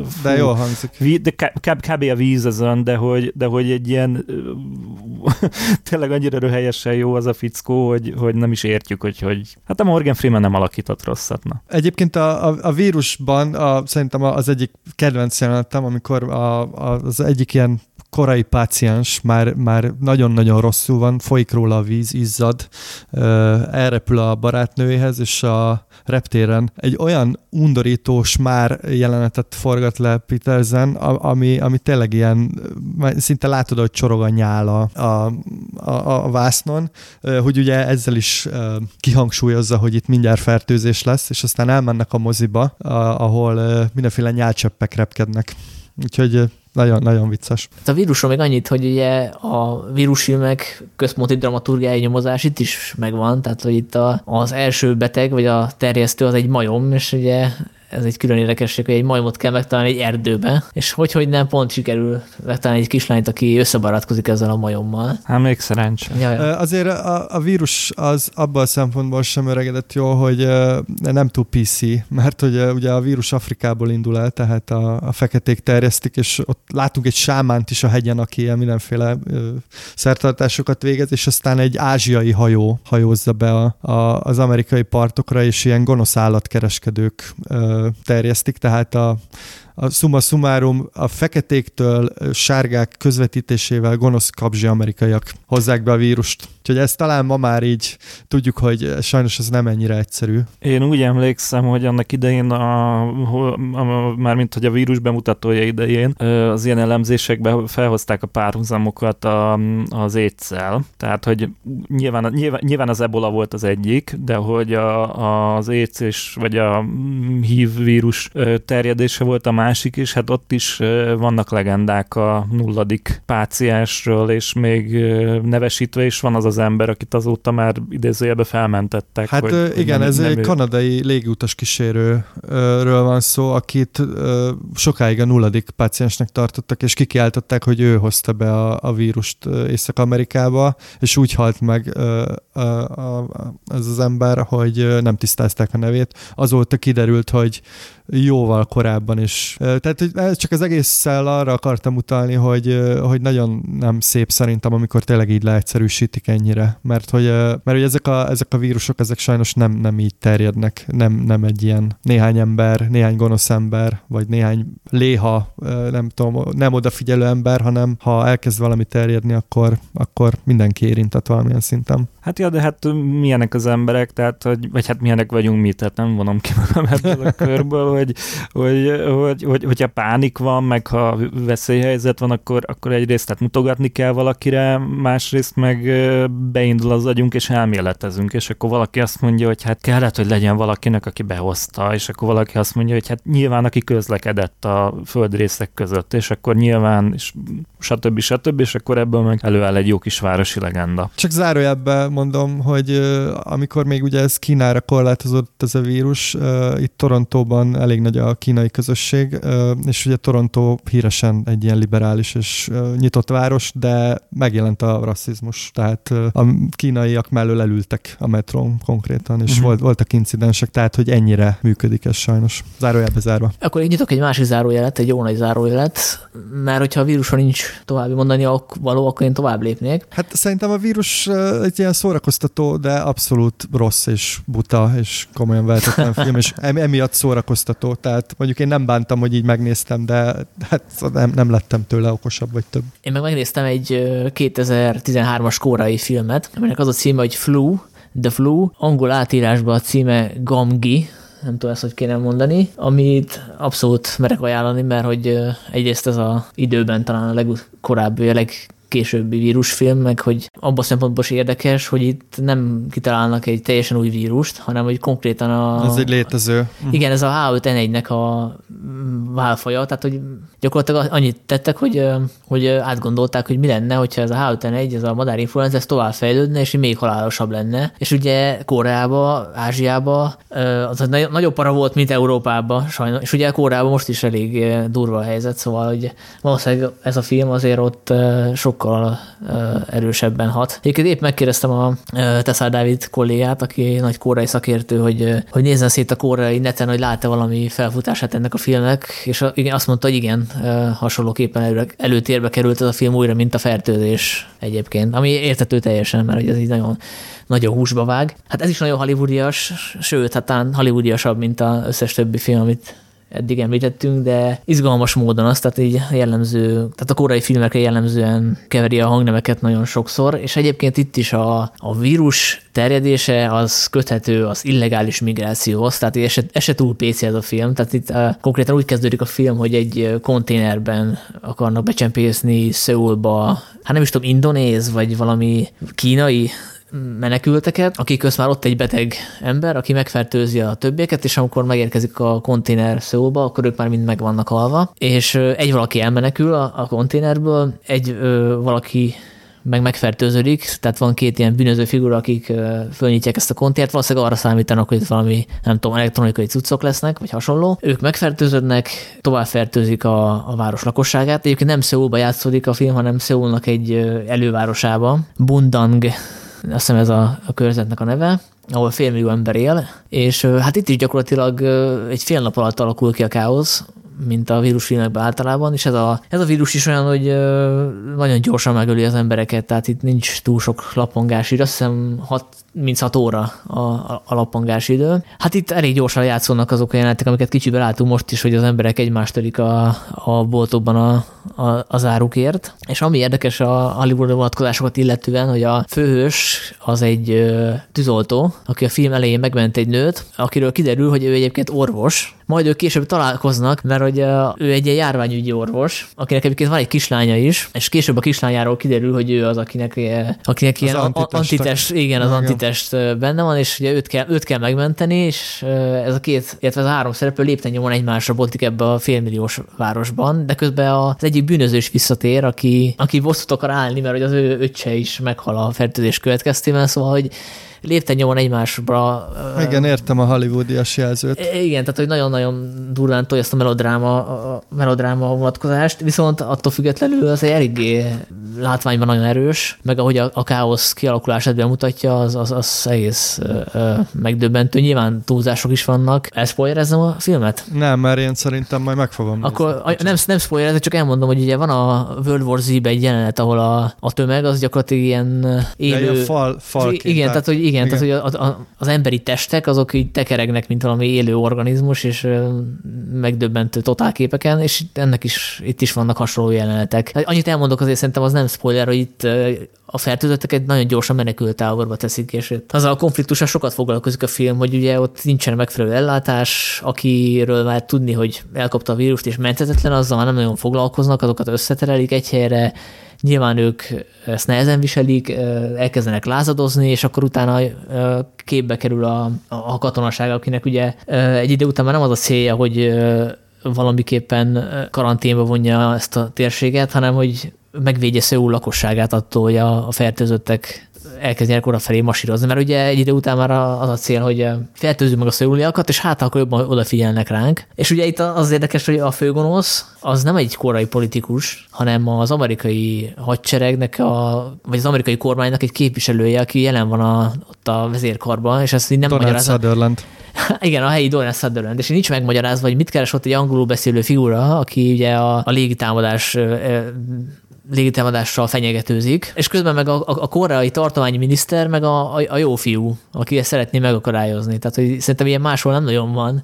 Hogy De ez szerintem logikus, mert hogy Dél-Koreában vannak amerikai katonák, tehát hogy ez, ez szerintem ott azt a helyi közönség nyilván érti, hogy miért van egy amerikai. Nem, én, én úgy tudom, hogy állomásoznak katonák, tehát hogy pont ez egy ilyen fontos. Hát mert, mert hogy nem zárták le még a koreai háborút, csak tűzszünet van már nem tudom hány éve, ugye? Igen, csak akkor is fura, hogy egy amerikai figura az így felülírhatja a koreai miniszterelnök vagy tartományi miniszterelnöknek a döntéseit, tehát hogy ez egy kicsit biskonyitogató. Hát, majd megkérdezzük te szár kollégát, mert lehet, hogy ő tudja, hogy ez, ez lehet, hogy ilyen valós. Uh-huh. Na mindegy, szóval, hogy itt ez nagyon egyszerű. Tehát, hogy nagyon le vannak osztva a szerepek, hogy ki a jó, meg ki a, a gonosz, és ez egy fullba tolják a melodrámát, de közben nagyon hiteles a, a, a tömegpánítnak a bemutatása. Úgyhogy ajánlom mindenkinek, aki szeretne egy kicsit borzongani. Én biztos meg fogom nézni, mert szeretem a koreai filmeket. De egyébként visszatérve még arra, hogy a, a mondat, hogy itt is egy illegális bevándorló hurcolja be, ugye ez nagyon messzire vezet vissza, hogy az idegen fertőz, tehát a, maga, maga a Dracula figurája is ez, nem? Hogy, hogy egy Kelet-Európából jön egy ilyen, izé, azt itt végigfertőzi a londoni elitet, meg, meg maga a zombi is, nem? Ez is egy ilyen bűntudatnak is felfogható, hogy a, ezek a leigázott uh, feketék uh, élő felzabálnak minket, tehát uh, ez, ez megint visszajukadunk oda, hogy a horrornak egy ilyen alapmotívuma ez a idegen megfertőz. Jó is, hogy említed a zombi filmeket, mert én nem emlékeztem pontosan, mert már sokszor láttam az eredeti nulladik pácienst, az élő halottak éjszakáját, tehát a 68-as Romero filmet, és az abban különbözik a folytatásoktól, hogy a későbbi zombi filmekben már semmi utalás nincs arra, hogy miért történhetett, de az első filmben, ja, és a remake sincs. Tehát a 90-es, azt hiszem 90-es Tom Savini rendezte jelenetről jelenetre gyakorlatilag remake már, már ez nem kerül elő. Szóval, hogy a 68-as élőhalottak éjszakájában nem vírus ugyan, de sugárzás, ami szerintem azért, azért határeset, tehát megemlíthetjük, az ott hogy felmerül az egyetlen ö, okként említik, ami miatt ö, elszabadulhatott a zombi járvány, vagy fertőzés, vagy nem tudom micsoda. Tehát ott ez, ez, ez megjelenik, és a későbbi filmek meg van, ahol kifejezetten ráerősítenek erre, tehát az említett 28 nappal későbben is, hogy még sorolhatnánk. Igen. Hát mindig az szerintem ilyen adott félelmekre, vagy a, a, a aktuális parákra ez jól ráhúzható. Mármint arra gondolok, hogy mi a fertőzés oka, vagy, vagy miért. Uh-huh. Ö, én, én még ajánlhatok én is? Hogyha valaki akar még ilyen jó vírus, vagy vírushoz kapcsolódó filmeket, akkor én, én ajánlanám a Panic Industries című amerikai filmet, ami most, most hirtelen nem tudom, hogy 50-es, azt hiszem, egy pillanat, azt megnézem. Szerint, szerintem is.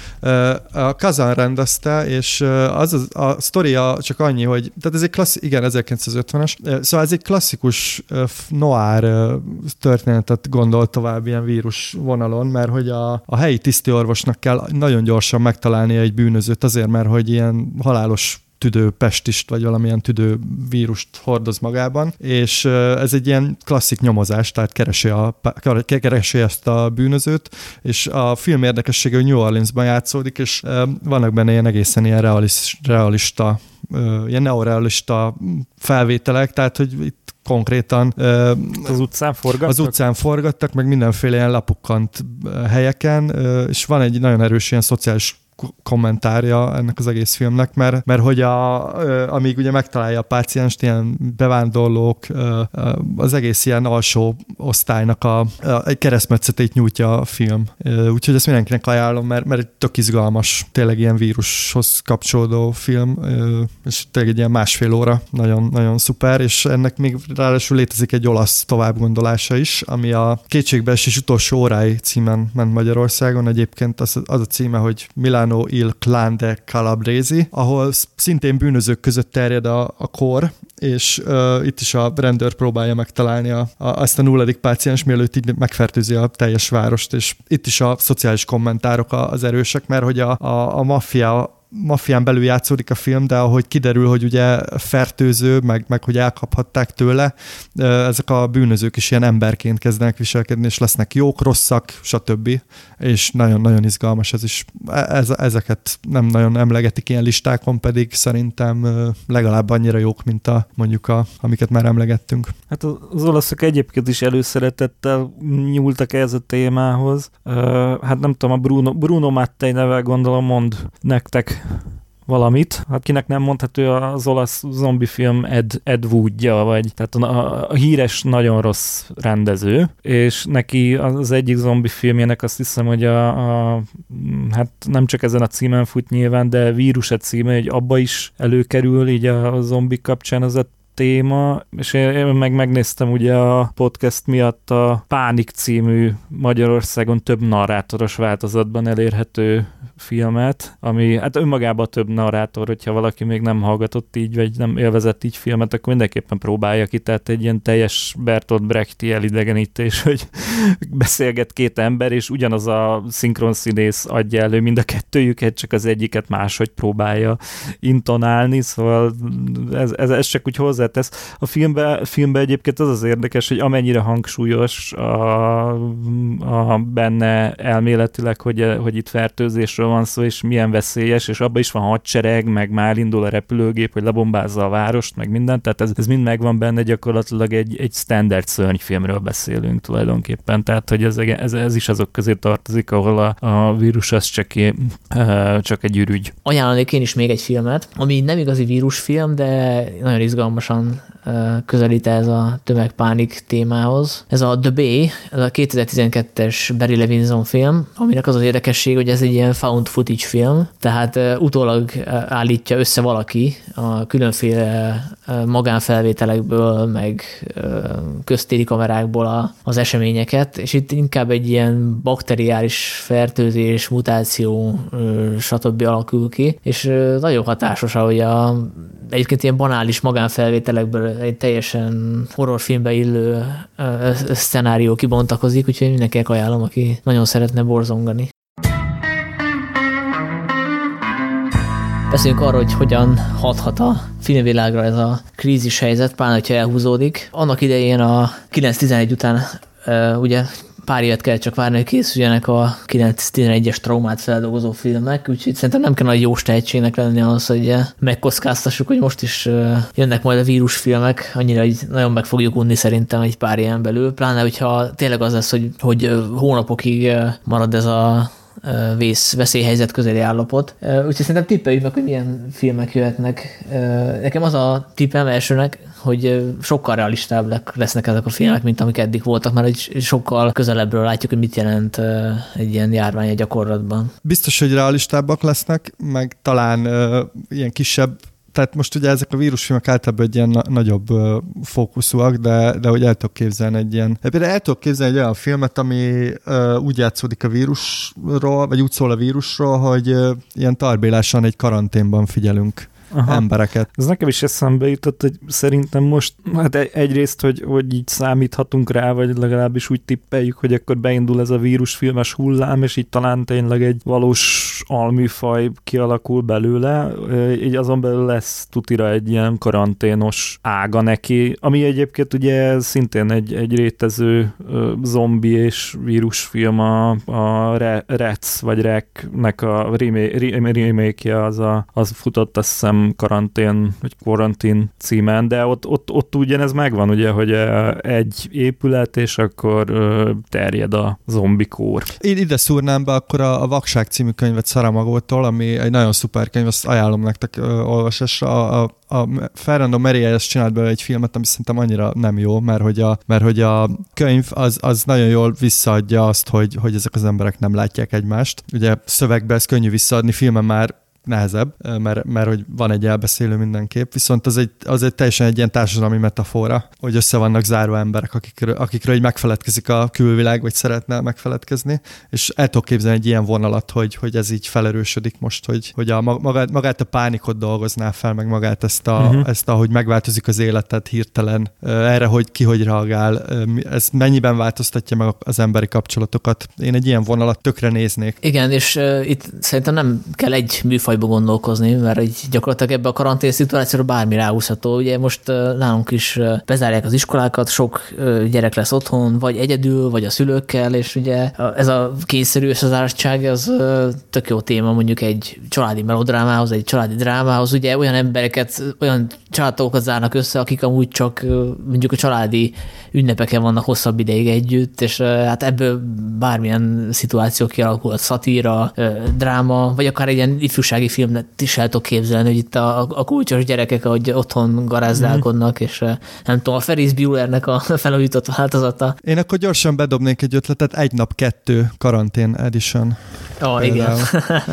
De abszolút egyetértek veled, Sanyi, tehát, hogy itt, itt rengeteg műfajba elindulhatnánk. De egyébként, hogyha már így említetted 9-11-et, meg hogy a hatás, ugye az egy dolog, hogy, hogy ilyen 9-11 filmek készültek, de, de a, a nagyobb hatása az, az szerintem az is sokkal mélyebbre megy, tehát a, a szuperhős filmek felfutása szerintem kötődik ahhoz, hogy, hogy egy ilyen nagy trauma érte az Egyesült Államokat, és nem tudjuk felbecsülni, hogy ez, ez a mostani helyzet egyrészt hova fut ki, meg hogy tényleg mennyiben, mennyiben változtatja meg a, a filmeseket, főleg, hogyha, hogyha ők is érintettek, és érintettek. És ugye itt készülhetnek uh, politikai thrillerek, szatírák is, mert hogy ebbe a mm, járványban az az érdekes, hogy nagyon máshogy reagálnak rá mondjuk egy nyugati országba, meg mondjuk egy autokráciába, vagy egy, egy máshogy reagál a kínai kormány, máshogy nem tudom, a holland, az amerikai, úgyhogy mindegyik verzió izgalmas. Tehát, hogy bármelyik ország elkészítette a saját verzióját, és az nem lesz unalmas, mert hogy másféleképpen közelíti meg a, a témát szerintem. És ugye ebből ki lehet, ki lehet hozni hagyományos hőstörténetet is, ahol a,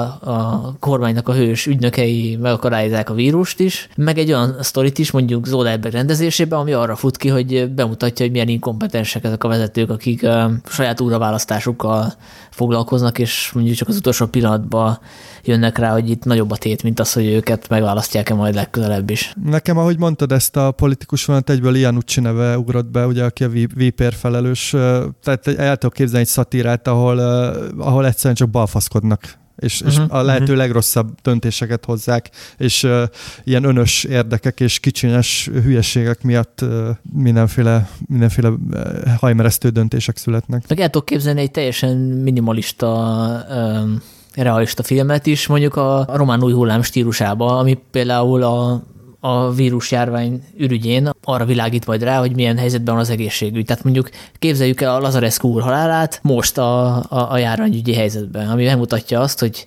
hogy gyakorlatilag minimális ö, extra terhelés kell az egészségügynek ahhoz, hogy összeomoljon. És ezt tök jól be lehet mutatni bármiféle skifi, horror vagy thriller elem nélkül is. Pontosan. Igen, hát az a baj, hogy most a, ha rá evezünk a hírportálokra, akkor most kis túlzásra minden második cikk egy filmnek lehetne a kiinduló pontja, tehát ott, ott vannak, vannak olyan helyzetek, meg emberi sztorik, meg a, ezek a politikai vonatkozások. Arra emlékeztek egyébként, amikor, hogy ez, ez még talán évekkel ezelőtt történt, amikor valamelyik miniszter felvetette, hogy a sertés pestis terjedése az a menekültek által eldobott szendvicsre vezethető vissza. Én emlékszem, sajnos. Na, például. Egyébként a, a szerzői filmeknek is ez ilyen újfajta lökést adhat, mert ha megnézitek, nagyon sok olyan szerzői film van, készült eddig is, amiben látszólag nem történik semmi, és ezek a filmek általában arról szólnak, hogy a megszokott hétköznapi életünknek valamilyen aspektusát azt így ö,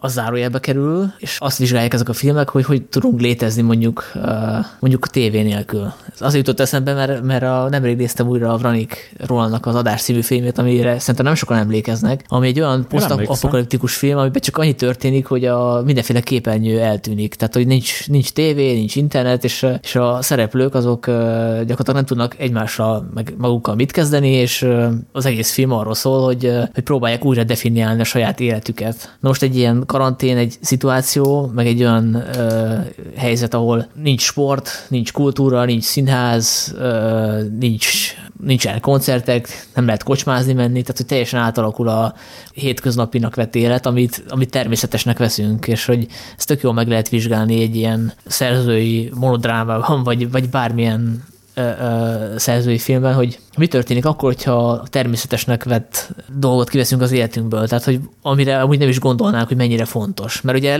azt szokás mondani, hogy a, mondjuk a kultúra, a szórakozás az igazából nem annyira fontos, mint a létfenntartás, a puszta létfenntartás. De hát most az derülhet ki hosszú távon, hogy, hogy, hogy mennyire tudunk létezni akkor, hogyha pont azok a az elemei nincsenek meg az életnek, amik amúgy így színesítik, a, és nem csak puszta létfenntartásra szól ilyenkor az életünk. Egy metaforaként is szolgált ez a, ez a karantén szituáció arra, hogy bemutassa, hogy, a, hogy ez a modern élet az a kicsit ilyen elmagányosodott, individualizált életformának kedvez. Gyakorlatilag erre világíthatnak rá egy ilyen szituációban ezek a filmek. De hát nem akarok ötleteket adni senkinek, mert, mert úgyis jönni fognak ezek a filmek, és nekem az a tippem, hogy ez... Véde, védesd le az ötlet ötleteidet. Az a tippe, hogy négy-öt éven belül nagyon fogjuk unni ezeket a filmeket. Hát nagyon sok szerzőtől el tudok képzelni nagyon izgalmas vírusfilmet. Úgyhogy ez, ez, egy, ez ennél közhelyesebb meglátás nem nagyon lehet, de hogy, de hogy néznék, néznék.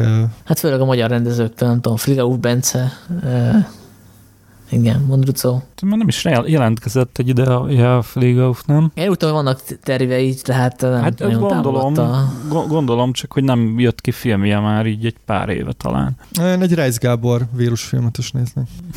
Vígjátékot gondolom. Hát valamilyen uh, szerelem kollára idején, vagy nem. Persze, ugye ez a szituáció arra jó, hogy a, mármint a karantén szituáció, az embernek igazából túl sok dolga nincsen, mondjuk nem tudja a munkáját otthonról végezni, vagy ha otthonról is végzi, nem köti le, nem tud menni szórakozni, viszont lehet, hogy össze van zárva az élettársával, meg, vagy, vagy ha egyedül van, akkor meg gondolkozhat az életéről, tehát ez a nagy önelemzések időszaka is. Igen, nekem akár. is az jutott eszembe, hogy ezek az elveszünk az emlékekbe, és egy ilyen eltűnt idő nyomában feeling is lehet, úgyhogy sok-sok verzió van, igen. Jó kis home office thriller, vagy, vagy, vagy szatíra, az, az office space helyett a home office space. Hát egyébként voltak ilyen Skype-os filmpróbálkozások, biztos emlékeztek. Ja, igen, Tehát, igen, hogy, igen. hogy lehetne egy olyan, hogy úgy nyomoz a, a, a rendőr, hogy ugye home office-ban van. Igen. Jó, ezeket most, most, most levédtük ezeket, tehát uh, innentől perkál bárki, aki copyright igen. Köszönjük szépen a figyelmet, követettek bennünket Spotify-on, iTunes-on, hogyha utóbbi helyen adtok értékelést, mondjuk öt csillagot, azt még pluszban megköszönjük, mert az sokat jelentene, hogy még több emberhez eljusson a podcast vírusszerűen terjedjen. Ó, oh, igen. Bocsánat. Ez is volt már, de jó. És még annyit mondanék el, hogy a következő podcastet azt már fölvettük, és ö, szerintem ez egy izgalmas ö, adás lett. Egy, egy ö, régóta beharangozott adás lesz ez, aminek semmi köze a koronavírushoz. Ne spoiler, ez Sanyi. Akkor mihez van köze, Sanyi, hogyha nem a vírushoz? A filmekhez van köze, Dániel. Hú, ez, ez nagyon jól hangzik. Ugye? Ezt meg fogom hallgatni. Úgyhogy azt egy héten belül szerintem meg is hallgathatjátok. Mi pedig most még beszélni fogunk a hazai mozi helyzetről, vagyis arról, hogy a moziknak egy része bezárt, egy része pedig nyitva maradt, és elmondjuk, hogy mit gondolunk er- erről. Helyeseljük-e ezt a döntést, vagy sem, illetve, hogy mi lesz akkor most a mozikkal a következő pár hónapban, vagy akár a távoli jövőben. És ezt a beszélgetést a patreon.com per filmvilág oldalon tudjátok meghallgatni, ahol támogatni is tudjátok a filmvilág folyaratot, és ezzel közvetve a podcastet is. Köszönjük szépen a figyelmet, sziasztok! Sziasztok! Sziasztok!